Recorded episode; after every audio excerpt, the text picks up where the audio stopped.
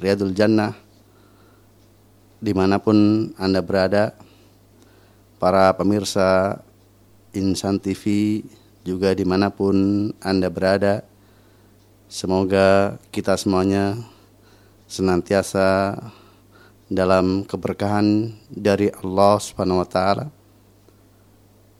Alhamdulillah kita memuji dan bersyukur kepada Allah Subhanahu wa taala atas segala curahan nikmat yang telah Allah anugerahkan untuk kita semuanya yang mana kita tidak mungkin untuk menghitungnya satu persatu.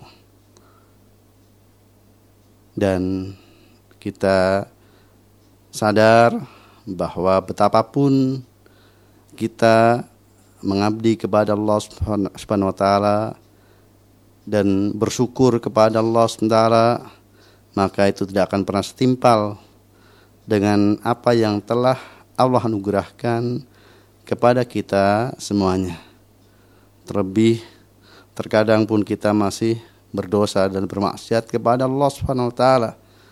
Maka itu semakin menambah betapa kita amat sangat mesti bersyukur kepada Allah SWT di mana Allah masih memberikan kesempatan kepada kita untuk kembali kepadanya, untuk beribadah kepadanya. Dan semoga Allah SWT menerima sekecil apa pun dari amal yang kita perbuat yang sekali lagi itu tidak akan mungkin untuk bisa mengimbangi anugerah yang telah Allah karuniakan kepada kita semuanya. Para pemirsa dan para pendengar di mana pun ada berada, Assalamualaikum wa yakum.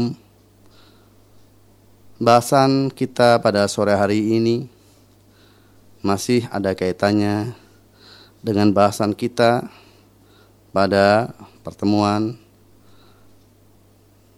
tiga pekan yang lalu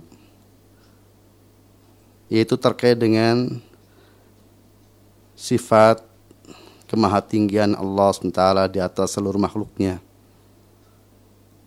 yang termasuk di dalamnya adalah bahasa tentang istiwanya Allah SWT di atas ars atau bersamayamnya Allah Taala di atas ars atau meningginya dan naiknya Allah meninggi di atas ars.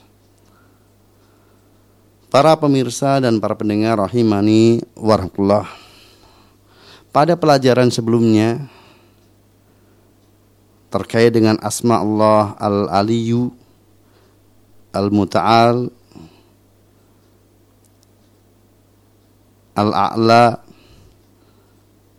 kita telah dapatkan makna dari nama-nama tersebut bahwa Allah Subhanahu wa taala adalah zat yang maha tinggi di mana kemahatinggian Allah Subhanahu wa taala mencakup tinggi secara sifatnya, tinggi secara kedudukannya, bahwa Allah adalah zat yang maha sempurna, yang maha mulia, yang maha paling terhormatnya, paling sempurnanya, paling mulianya. Demikian juga termasuk dalam makna maha ketinggian Allah bahwa Allah adalah maha menang. Allah mengalahkan segala makhluknya. Allah yang paling perkasa yang mengalahkan semua makhluknya dan tidak ada satupun makhluk yang bisa menang atas Allah SWT Allah Al-Aliyu Allah yang maha menang mengalahkan seluruh makhluknya. Dan termasuk kemahatinggian Allah SWT bahwa keberadaan Allah zatnya ada di atas. Allah berada di atas seluruh makhluknya. Dan Allah istiwa di atas ars. Yang ars adalah makhluk Allah SWT yang paling tinggi. Dan Allah istiwa di atasnya. Para pemirsa dan para pendengar rahimani wa rahimakumullah. Terkait dengan dalil dalil tentang kemahatinggian Allah SWT secara zatnya bahwa Allah berada di atas seluruh makhluknya itu amat sangat banyak. Baik dalam Al-Quran maupun dalam hadis artinya firman Allah dalil yang berupa firman Allah atau sabda Nabi atau hadis Nabi Shallallahu Alaihi Wasallam itu amat sangat banyak. Dalil wahyu yang membuktikan bahwa keberadaan Allah itu berada di atas makhluknya secara zatnya itu amat sangat banyak. Dan kalau kemudian kita kelompokkan, maka dalil kemahatinggian Allah Ta'ala bisa lebih dari 100 eh, lebih dari 10 kelompok dalil yang masing-masing kelompok tersebut bisa berisi puluhan dalil dari Al-Qur'an atau hadis yang membuktikan bahwa informasi dari Allah atau Rasulullah sallallahu alaihi wasallam tentang Allah itu berada di atas makhluknya secara zatnya itu berulang kali. Disampaikan dengan berulang kali berbagai macam kesempatan maka itu menunjukkan bahwa perhatian Allah dan Rasulnya amat sangat besar untuk kemudian kita betul-betul yakin dan beriman bahwa Allah itu berada di atas. Maka sesungguhnya pengingkaran terkait dengan keberadaan Allah berada di atas itu adalah sebuah pengingkaran yang sangat fatal. Pengingkaran yang sangat besar karena terkait banyaknya dalil-dalil yang menginformasikan hal tersebut. Maka dalam kesempatan ini akan saya sebutkan beberapa kelompok dalil tersebut. Di antaranya adalah ayat-ayat yang menginformasikan secara jelas secara tegas bahwa Allah itu berada di atas. Tentang sokiyah Allah. Keberadaan Allah berada di atas. Misalnya firman Allah taala Allah berfirman di dalam surat An-Nahl ayat 50 yakhafuna rabbahum min fawqihim mereka takut terhadap Rob mereka yang berada di atas mereka. Maka ketika Allah berfirman di dalam ayat ini menceritakan tentang hambanya mereka takut kepada Rob mereka min fokihim dari arah atas mereka. Maka ini syarat jelas, tegas, dan tanpa ada keraguan sama sekali menunjukkan tentang Allah itu berada di atas. Demikian juga firman Allah dalam surat Al-An'am ayat 17. Demikian juga dalam ayat 61. Allah berfirman, "Wa huwal qahiru fawqa ibadi." Dan Allah itu adalah zat yang maha perkasa yang berada di atas para hambanya. Di sini juga Allah tegas menyatakan bahwa dia berada di atas para hambanya. Maka Kata-kata foko ibadi Allah berada di atas hambanya mencakup ketiga makna di atas. Allah di atas secara zatnya, Allah di atas secara sifat-sifatnya di mana Allah maha sempurna, paling sempurna meng, dibandingkan seluruh makhluknya dan Allah menang mengalahkan seluruh makhluknya. Kemudian yang kedua dalil-dalil yang menyebutkan bahwa ada dari makhluknya yang naik menuju ke atas, naik menuju kepada Allah Ta'ala. Seperti misalnya dalam firman Allah SWT surat Al-Ma'arij ayat 4 Allah SWT Allah SWT berfirman ta'rujul malaikatu warruhu ilaihi naiklah malaikat dan ruh kepadanya kepada Allah SWT. Para malaikat dan ruh naik kepada Allah dan tidaklah terpahami dari kata-kata naik kecuali menuju ke atas. Maka ketika naik menuju kepada Allah, maka itu tegas dan jelas bahwa keberadaan Allah itu berada di atas. Demikian juga firman Allah SWT dalam surat Fatir ayat 10. Allah berfirman, "Ilaihi yas'adul kalimut tayyib." Hanya kepada Allah lah naik ucapan yang baik, perkataan yang baik. Sebagaimana ayat di atasnya tadi bahwa tidaklah dikatakan naik kepada kecuali yang dituju itu berada di atas. Maka ketika ucapan perkataan yang baik itu naik menuju kepada Allah, maka yang dituju itu Allah Subhanahu wa taala itu pasti dan tanpa ragu-ragu berada di di atas. Kelompok ayat yang ketiga adalah ayat-ayat yang menyatakan bahwa Allah Subhanahu wa taala mengangkat sebagian makhluknya kepadanya. Contohnya seperti firman Allah SWT dalam surat An-Nisa ayat 158.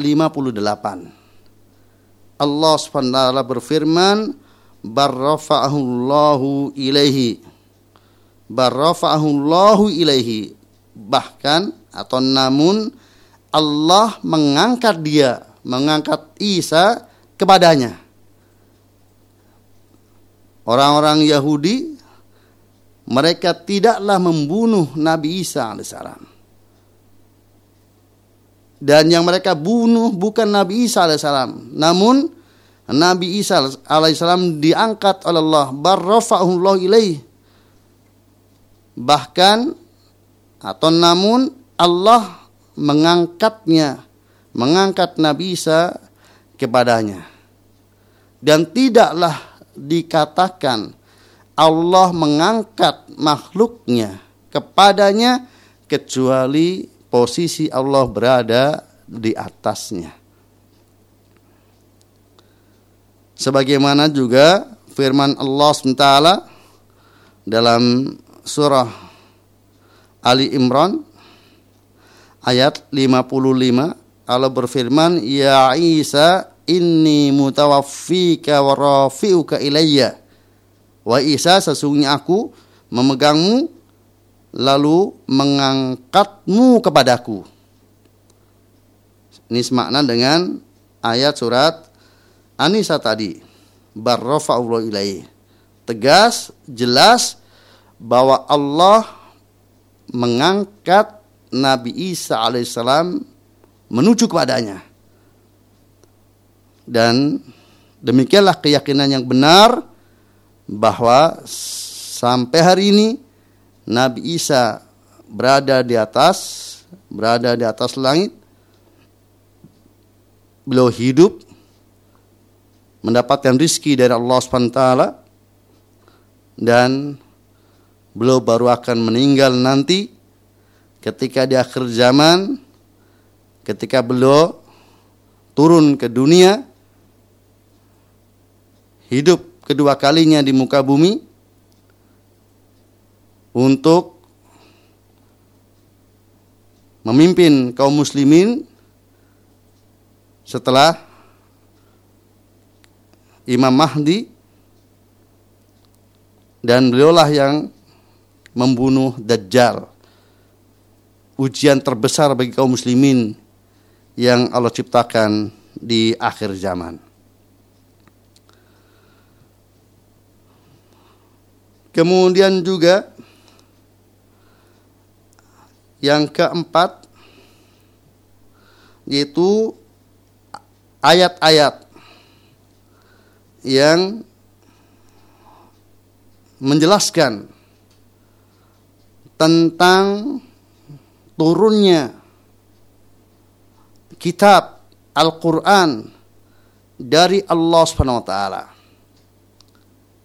Al-Qur'an turun diturunkan dari sisi Allah SWT dan tidaklah bisa dipahami ada kata-kata sesuatu turun dari Allah kecuali posisi Allah itu berada di atas. Allah berfirman di dalam surat Ghafir, surat Al-Mu'min ayat 2, Tanzilul kitabi minallahil azizil alim. Diturunkan kitab dari Allah Zat yang maha perkasa lagi maha mengetahui. Demikian juga dalam surah Az-Zumar ayat 1 Allah berfirman Tanzilul kitabi minallahil azizil hakim Diturunkan Alkitab dari Allah Zat yang memperkasa lagi maha bijaksana Tanzilum minar, rahma, minar rahmanir rahim dalam surat Fusilat ayat 2. Diturunkan dari Ar-Rahman, Ar-Rahim. Dari Ar-Rahman, dari zat yang maha pengasih, lagi maha penyayang. Dan ayat-ayat yang lainnya. Yang banyak yang menyampaikan tentang turunnya Al-Quran dari Allah. Diturunkannya Al-Quran dari Allah Taala. Allah yang berfirman, Lalu kemudian firman Allah itu didengar oleh Jibril alaihissalam. Lalu Jibril menghafal hafal terhadap apa yang difirmankan oleh Allah tersebut.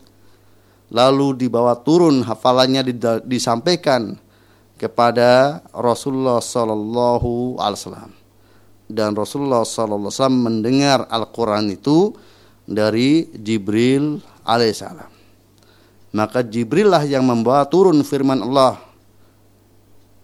yang Allah berada di atas. Kemudian yang kelima, ayat-ayat yang menegaskan bahwa Allah itu berada di atas langit. Seperti di dalam firman Allah SWT surat Al-Mulk ayat 16 dan juga ayat 17. Aamin tumang sama. Apakah kalian merasa aman terhadap zat yang berada di atas langit? Aamin tumang fis sama. Apakah kalian merasa aman terhadap zat yang berada di atas langit? maka kata mang sama zat yang berada fis sama itu maknanya bisa berada di atas atau berada di atas langit yang telah dibangun oleh Allah SWT.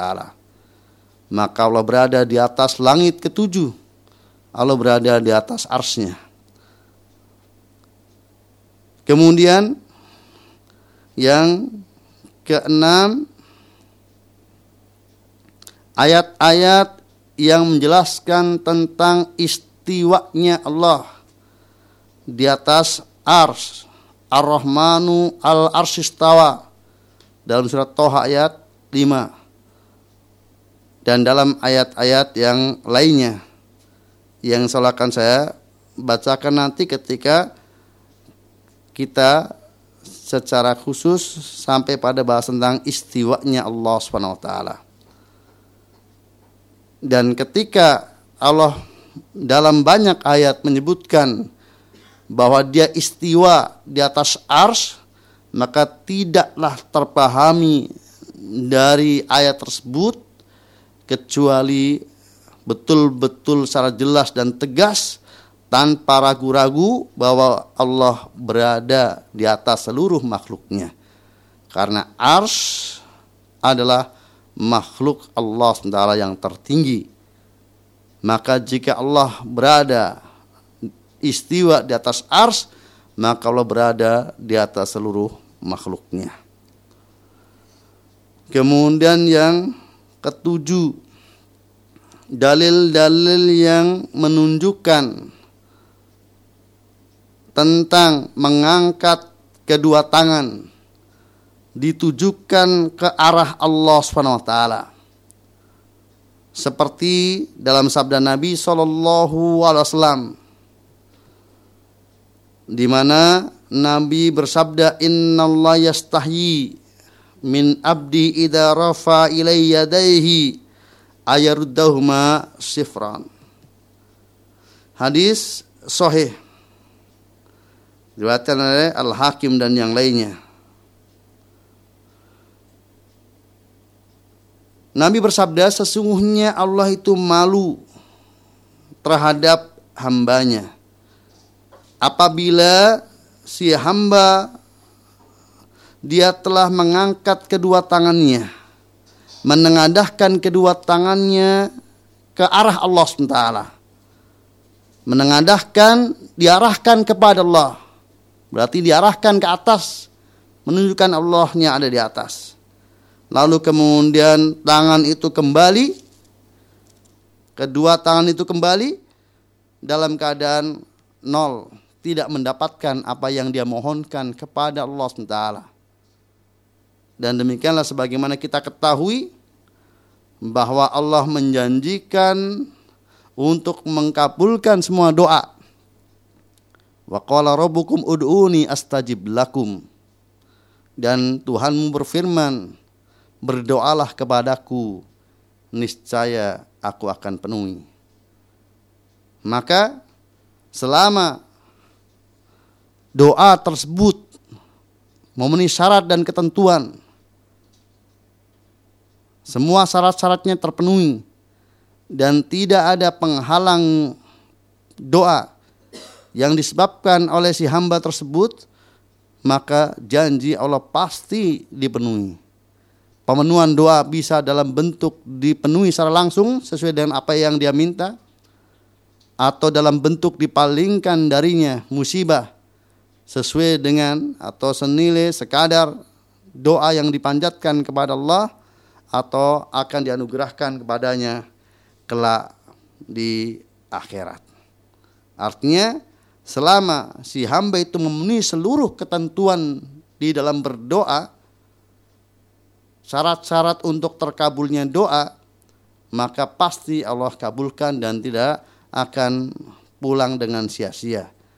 Tangan yang ditengadahkan keduanya ke atas itu tidak akan kembali dengan sia-sia apabila syarat dan ketentuannya dipenuhi oleh hamba yang berdoa tersebut.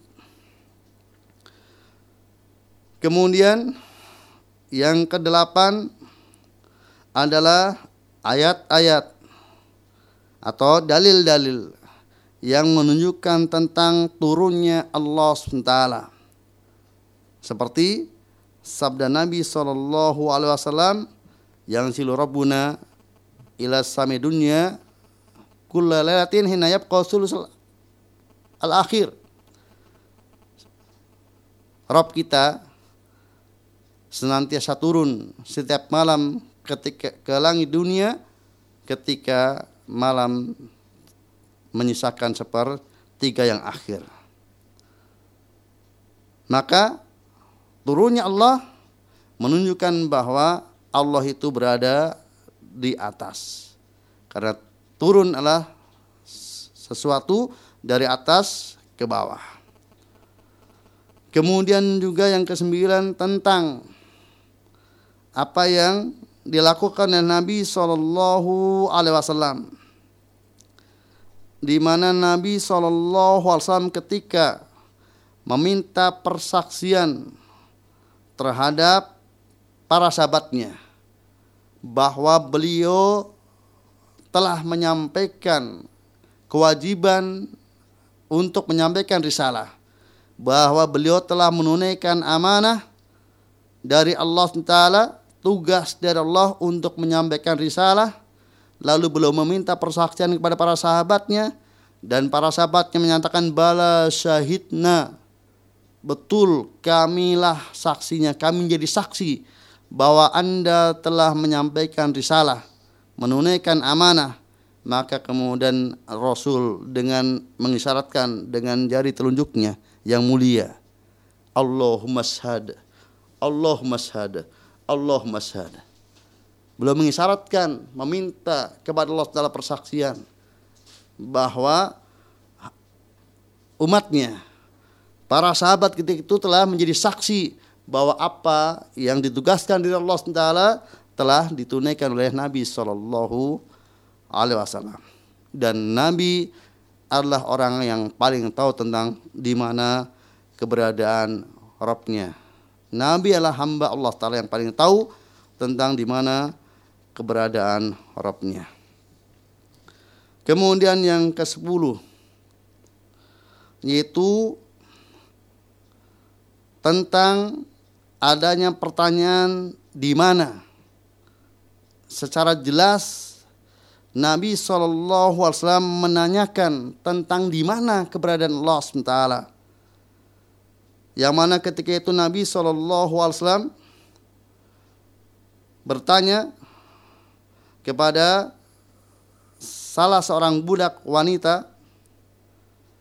Nabi bertanya, Aina Allah? di mana Allah? Maka kemudian dia menjawab fis sama Allah itu berada di atas langit. Maka Nabi menyatakan atikha fa inna mu'minah. Bebaskanlah, merdekakanlah budak tersebut karena sesungguhnya dialah budak yang beriman. Maka ketika itu Nabi saw menjadikan standar keimanan kepada Allah Subhanahu wa taala tentang di mana keberadaan Allah Subhanahu wa taala. Dan ini seorang budak yang pekerjaannya mengembalakan kambing. Secara umum dia jauh dari dunia pendidikan. Tetapi demikianlah akidah Islamiyah yang disampaikan oleh Nabi Shallallahu Alaihi Wasallam. Maka tersampaikan sampai pun seorang budak yang tentunya sangat sedikit frekuensi kehadirannya di majelis-majelis taklim Rasulullah atau majelis-majelis sahabat Nabi Shallallahu Alaihi Wasallam, tetapi akidah yang sangat mendasar sampai kepadanya. Dan di antara akidah yang sangat mendasar adalah tentang keimanan di mana keberadaan Allah SWT dan dia dengan tegas tanpa ragu-ragu menjawab fis sama bahwa Allah berada di atas langit dan dengan sebab itu dia dimerdekakan dari status budaknya. Kemudian yang ke-11 ayat yang menceritakan tentang Firaun ketika dia hendak merendahkan dan mengejek Musa alaihissalam. Dia katakan sebagaimana difirmankan oleh Allah dalam surah Al-Mu'min ayat 36. Allah berfirman tentang Fir'aun. Apa yang dikatakan oleh Fir'aun? Ya Haman ibnili sarhan la'ali ablugul asbab asbab as-samawat fa'attaliu ila ilahi Musa wa inni la'adunnuhu kadhiba Wahai Haman juru bangun arsitek atau ahli bangunan di zaman Fir'aun. Dia katakan kepada Haman, wahai Haman, bangunkan untukku gedung pencakar langit, menara yang sangat tinggi, agar aku bisa menempuh sebab memiliki sarana untuk menanjak ke atas langit. Untuk naik ke atas, aku mau mengecek tentang sesembahan Musa. Sungguh aku menyangka bahwa Musa telah berdusta.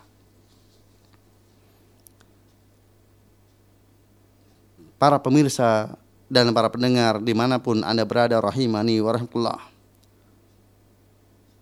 Tidak mungkin Fir'aun meminta kepada Haman untuk membangunkan bangunan yang sangat tinggi dengan alasan dia nanti mau naik ke atas dan mau mengecek tentang ilahnya Musa, keberadaan ilahnya Musa yang tidak lain adalah Allah SWT. Kalau kemudian dia tidak mendapatkan informasi bahwa Allah Taala berada di atas. Dan di ujung perkataannya dia mengatakan, sungguh aku menduga bahwa Musa adalah dusta. Dan sesungguhnya perkataan Musa itu hanya di lesannya dan tidak dalam batinnya karena batinnya. Sebenarnya perkataan Firaun itu tidak maaf perkataan Firaun itu hanya di lisannya dan tidak di batinnya. Karena batin Firaun sangat meyakini kebenaran yang disampaikan oleh Musa alaihissalam.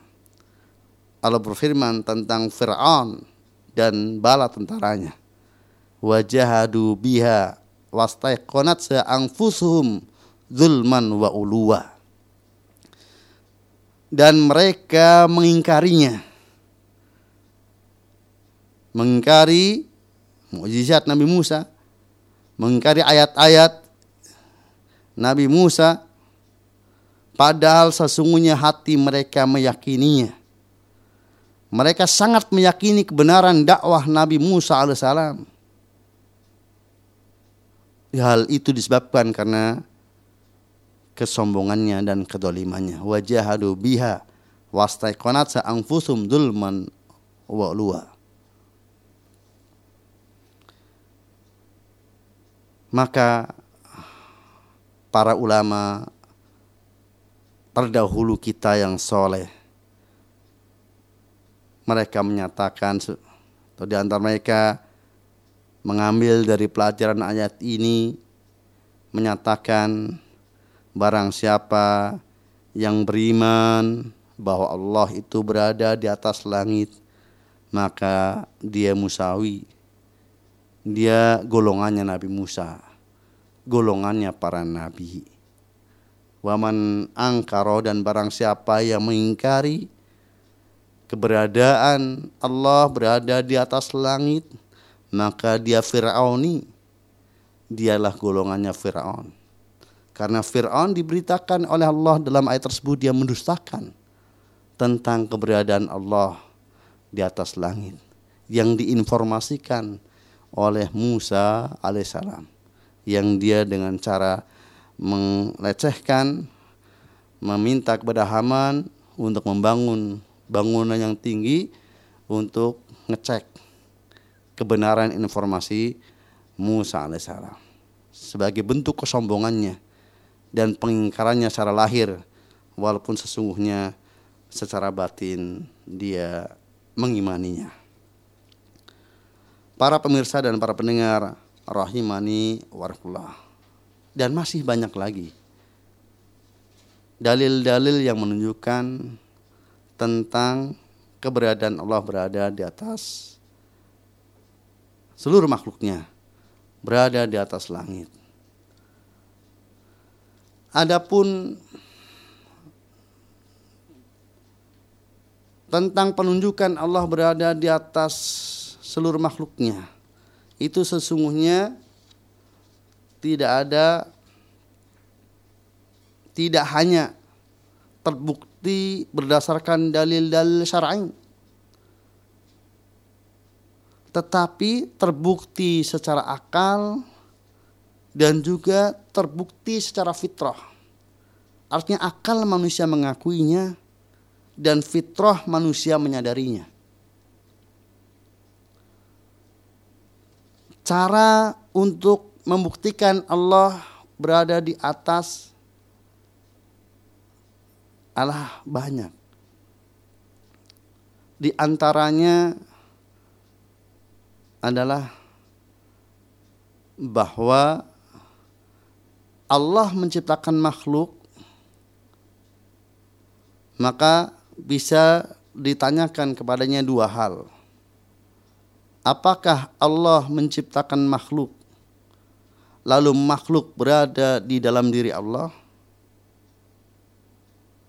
Atau kemudian Allah berada di dalam makhluknya.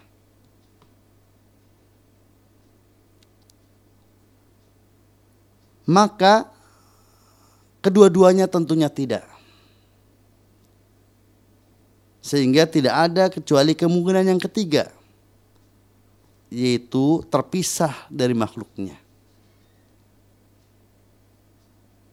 Maka ketika Allah terpisah dari makhluknya, maka tidak ada kemungkinan lain kecuali Allah yang berada di atas dan makhluknya di bawahnya.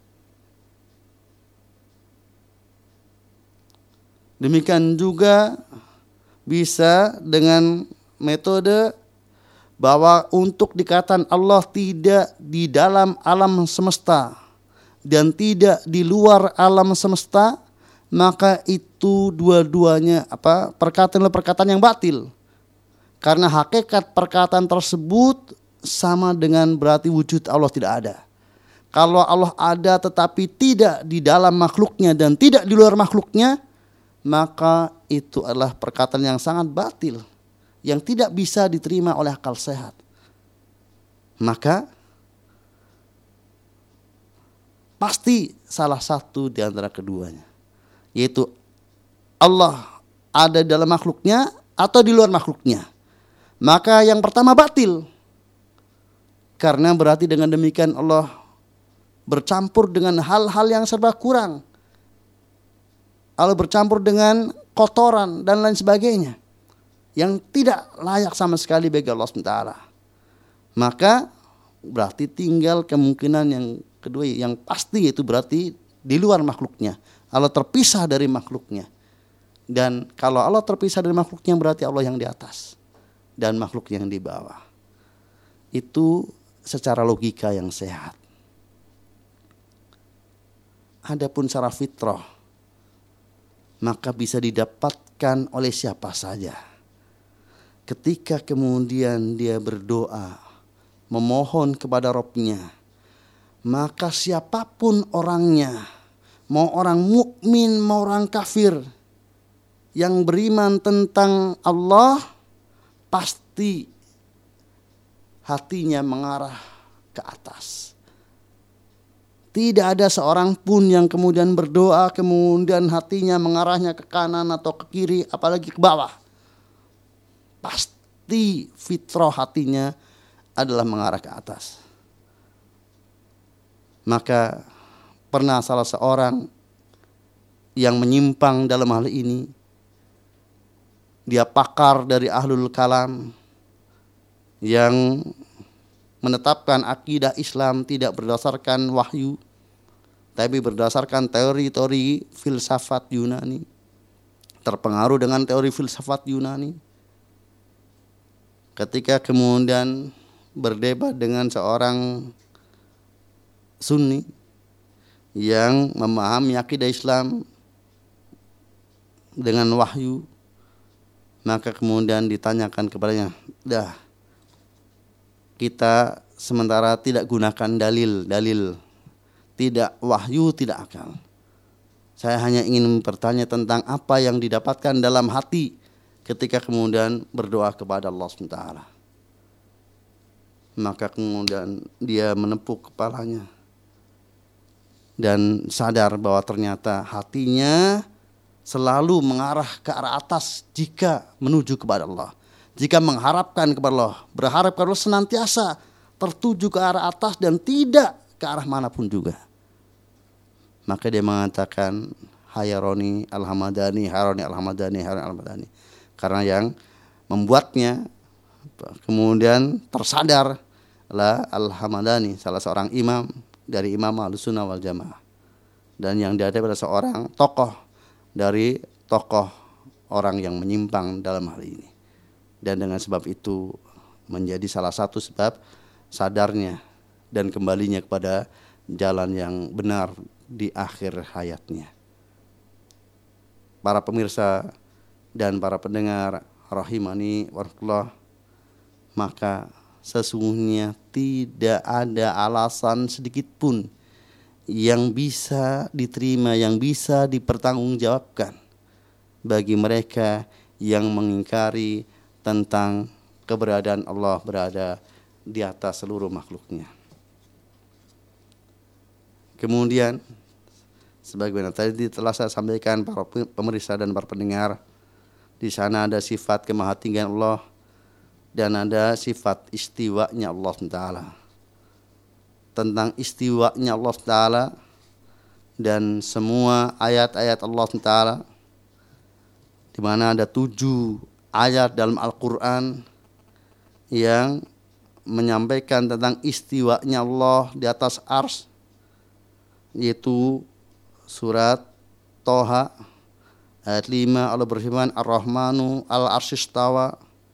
Kemudian di dalam surat Al-A'raf ayat 54 Allah berfirman Inna rabbakumullah alladhi khalaqas samawati wal arda fi sittati ayyam sumastawa al arsh Kemudian di dalam surat Yunus ayat 3 dengan bunyi yang sama dengan surat Al-A'raf ayat 54. Kemudian dalam surat Ar-Ra'd ayat 2 Allah berfirman Allahul ladzi rafa'as samawati bighairi amadin taronaha summa stawa al-arsy.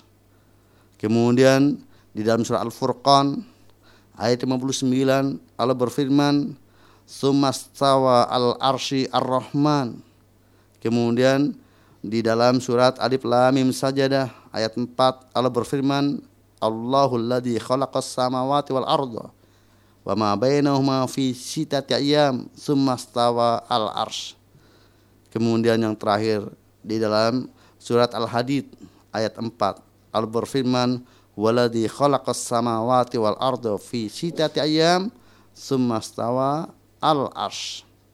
Berulang kali Allah firmankan dalam Al-Quran dengan informasi yang sama yaitu istiwanya di atas ars dan di dalam bahasa Arab semua kata istiwa apabila digandingkan dengan Allah sumastawa Allah istawa Allah tidaklah bermakna kecuali yang terkait dengan tinggi meninggi naik menetap di atas itu istiwa ala. Ala irtafa so'ada wastaqarra. Yang semuanya bermakna berada naik di atas ketinggian. Kalau istiwa ars berarti naik berada di ketinggian di atas ars. Menetap di ketinggian di atas ars. Tidak ada makna yang lainnya. Dan itu menunjukkan tentang kemahatinggian Allah secara zatnya. Maka ada beberapa perbedaan antara sifat maha tinggi dengan sifat Allah istiwa di atas ars. Di mana kalau di antaranya yang pertama kalau sifat maha tinggi itu adalah sifat zatiyah. Dalam arti Allah senantiasa dan terus menerus berada dalam ketinggian. Allah senantiasa di atas. Dari awal yang tidak bermula sampai akhir yang tidak berakhir, Allah senantiasa di atas. Itu sifat zatiyah. Adapun istiwa di atas ars, maka itu sifat fi'liyah. Artinya terkait dengan perbuatan Allah. Di mana Allah melakukannya jika Allah mengendaki. Sesuai dengan yang Allah kehendaki. Dalam keadaan yang sesuai dengan Allah kehendaki. Maka sebagaimana kita dengarkan dari ayat-ayat di atas tentang istiwanya Allah di atas ars itu Allah lakukan setelah penciptaan langit dan bumi. Setelah Allah menyelesaikan penciptaan langit dan bumi, baru kemudian Allah istiwa di atas ars. Dan dulu ketika kemudian ars belum diciptakan oleh Allah, Allah sudah di atas dan Allah belum istiwa. Ini yang pertama. Bahwa al-ulu kemahatinggian Allah itu bersifat datia yang senantiasa melekat pada Allah. Adapun istiwa di atas ars adalah terkait dengan sifat fi'liyah. Perbuatan Allah SWT. Kemudian yang kedua, bahwa kemahatinggian Allah itu umum di atas seluruh makhluknya. Adapun istiwanya Allah khusus di atas ars. Allah tidak istiwa kecuali di atas ars. Allah lebih tinggi dari kita semua. Allah di atas seluruh makhluknya. Allah maha tinggi di atas seluruh makhluknya, tapi istiwanya hanya di atas ars. Ini di antara perbedaan antara sifat maha tingginya Allah SWT dengan istiwanya Allah di atas ars. Dan barang siapa yang memahami istiwa dengan Allah berkuasa, maka itulah pemaknaan yang sangat batil. Yang tidak ada dalilnya baik dari Al-Quran maupun hadis, bahkan secara bahasa Arab pun tidak ditunjukkan. Tidak ada tafsir secara bahasa bahwa istiwa Allah itu bermakna berkuasa. Bahkan secara umum istiwa tidak ada. Secara bahasa bermakna berkuasa maka itulah tafsiran yang sangat batil. Kalau makna Allah istiwa di atas ars artinya Allah menguasai ars sebab Allah itu menguasai seluruh jagat raya dan tidak hanya ars dan informasi ayat-ayat Allah hanya di atas ars dan tidak pernah ada satupun informasi Allah istiwa di atas lain arsullahu alam bisawab. Nah demikianlah para pemirsa dan para pendengar di mana pun anda berada sedikit bahasan terkait dengan sifat istiwanya Allah di atas ars sebagai tambahan atas bahasan kemahatinggian Allah SWT di atas seluruh makhluknya. Sebelum kita akhiri para pemirsa dan para pendengar, ini kita kami baca beberapa pertanyaan yang masuk Yang pertama dari saudara Guntur ya di Kokoncong nih. Mana ini Kokoncong nih? Saya kurang paham ini. Assalamualaikum warahmatullahi wabarakatuh Ustaz. Waalaikumsalam warahmatullahi wabarakatuh. Ya, mau bertanya Ustaz, kenapa Allah Ta'ala membuat ars dan apa manfaat ars? Terima kasih Ustaz atas jawabannya. Waalaikumsalam warahmatullahi wabarakatuh. Barakallahu fiq para pemirsa dan para pendengar rahimani warahmatullah.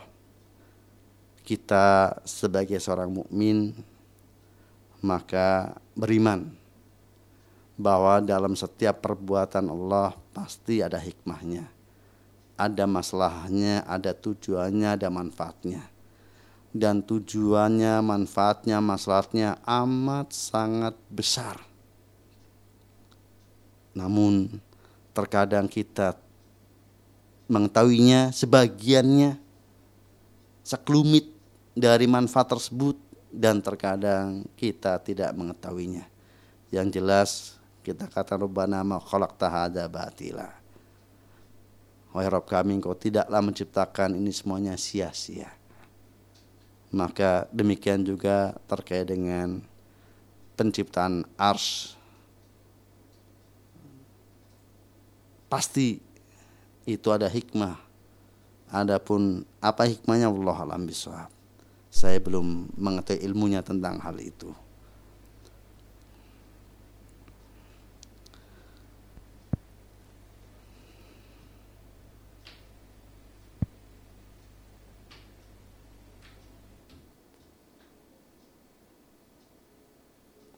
Ya, ada pertanyaan. Assalamualaikum Mbak Ustadz. Salam mau tanya ada sekelompok ustadz di Indonesia yang menuduh bahwa Allah di atas ars tidak benar.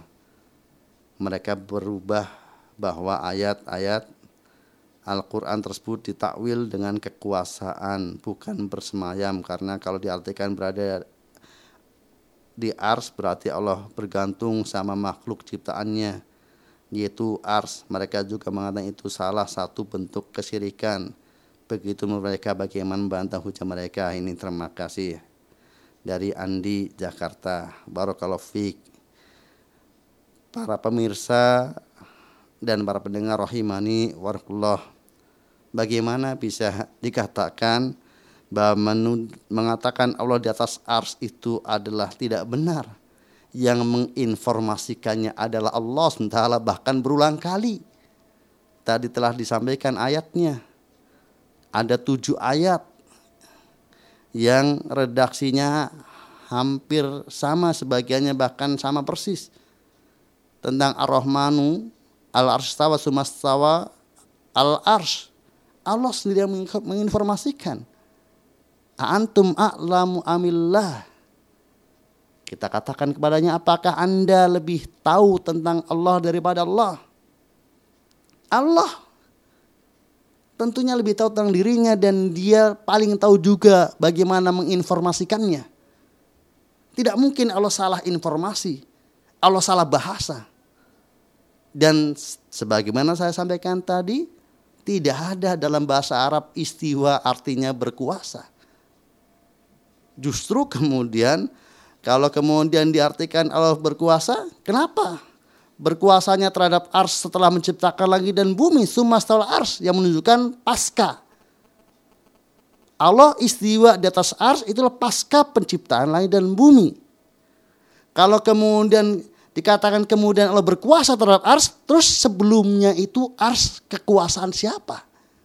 Siapa yang berkuasa terhadap ars sebelum Allah menciptakan langit dan bumi karena Allah istiwa di atas ars setelah penciptaan bumi. Semua orang tahu bahasa yang tahu bahasa Arab sekecil apa pun, cuma itu menunjukkan tertib. Pasca kemudian ya, sampaikan kepadanya. Sebelumnya dikuasai oleh siapa ars itu? Kalau Allah baru menguasainya setelah menciptakan langit dan bumi. Kalau masalah kemudian istiwa di atas sesuatu butuh, maka kalaulah ia itu makhluk. Sementara laisa kami syai'un. Allah tidak sesama dengan makhluknya sedikit pun. Kita pun kadang mengatakan matahari sudah istiwa. Ketika kemudian persis di atas kita, kita katakan matahari sedang istiwa di atas kita. Apakah matahari butuh kepada kita? Tidak. Matahari tidak butuh kepada kita ketika dia istiwa di atas kita. Jadi terkadang kita dapatkan makhluk di atas yang lainnya tidak butuh. Langit di atas bumi tidak butuh kepada bumi. Langit yang satu yang di atasnya tidak butuh kepada langit yang di bawahnya. Siapa bilang bahwa ketika dikatakan di atas sesuatu maka butuh kepadanya, bergantung kepadanya. Sesama makhluk saja tidak mesti. Kalau istiwa di atasnya berarti butuh yang di bawahnya. Apalagi Allah. Zat yang maha sempurna. Mudah-mudahan mereka kembali kepada jalan yang benar. Karena permasalahan yang sangat besar. Tidak ada model pemahaman pengingkaran kepada keberadaan Allah di atas ars istiwa di atas ars kecuali baru ada belakangan setelah masa sahabat setelah masa tabiin bahkan setelah masa tabi tabiin semua kaum muslimin dari dahulu semua beriman baru munculnya orang-orang sesat dari kalangan Jahmiyah yang kemudian mempengaruhi kalangan kaum muslimin yang mudah terprovokasi dan mudah dibodohi oleh orang-orang yang ada kecenderungan untuk sesat.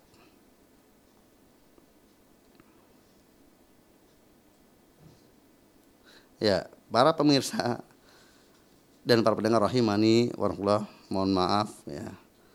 Ini ada beberapa pertanyaan yang banyak pertanyaan yang cukup ya bagus untuk kemudian pelajaran bagi kita jawabannya namun terkait waktu maghrib ya telah masuk di kota Tasikmalaya ini atau detik-detik maghrib maka kajian kita kita cukupkan sampai di sini dan yang terpenting bagi kita kokohkan iman kita dan jangan terpengaruh dengan berbagai macam subhat kerancuan berpikir dan tidak mesti subhat itu kita bantah yang penting kokohkan iman kita pertanggungjawabkan iman kita di hadapan Allah Subhanahu wa taala.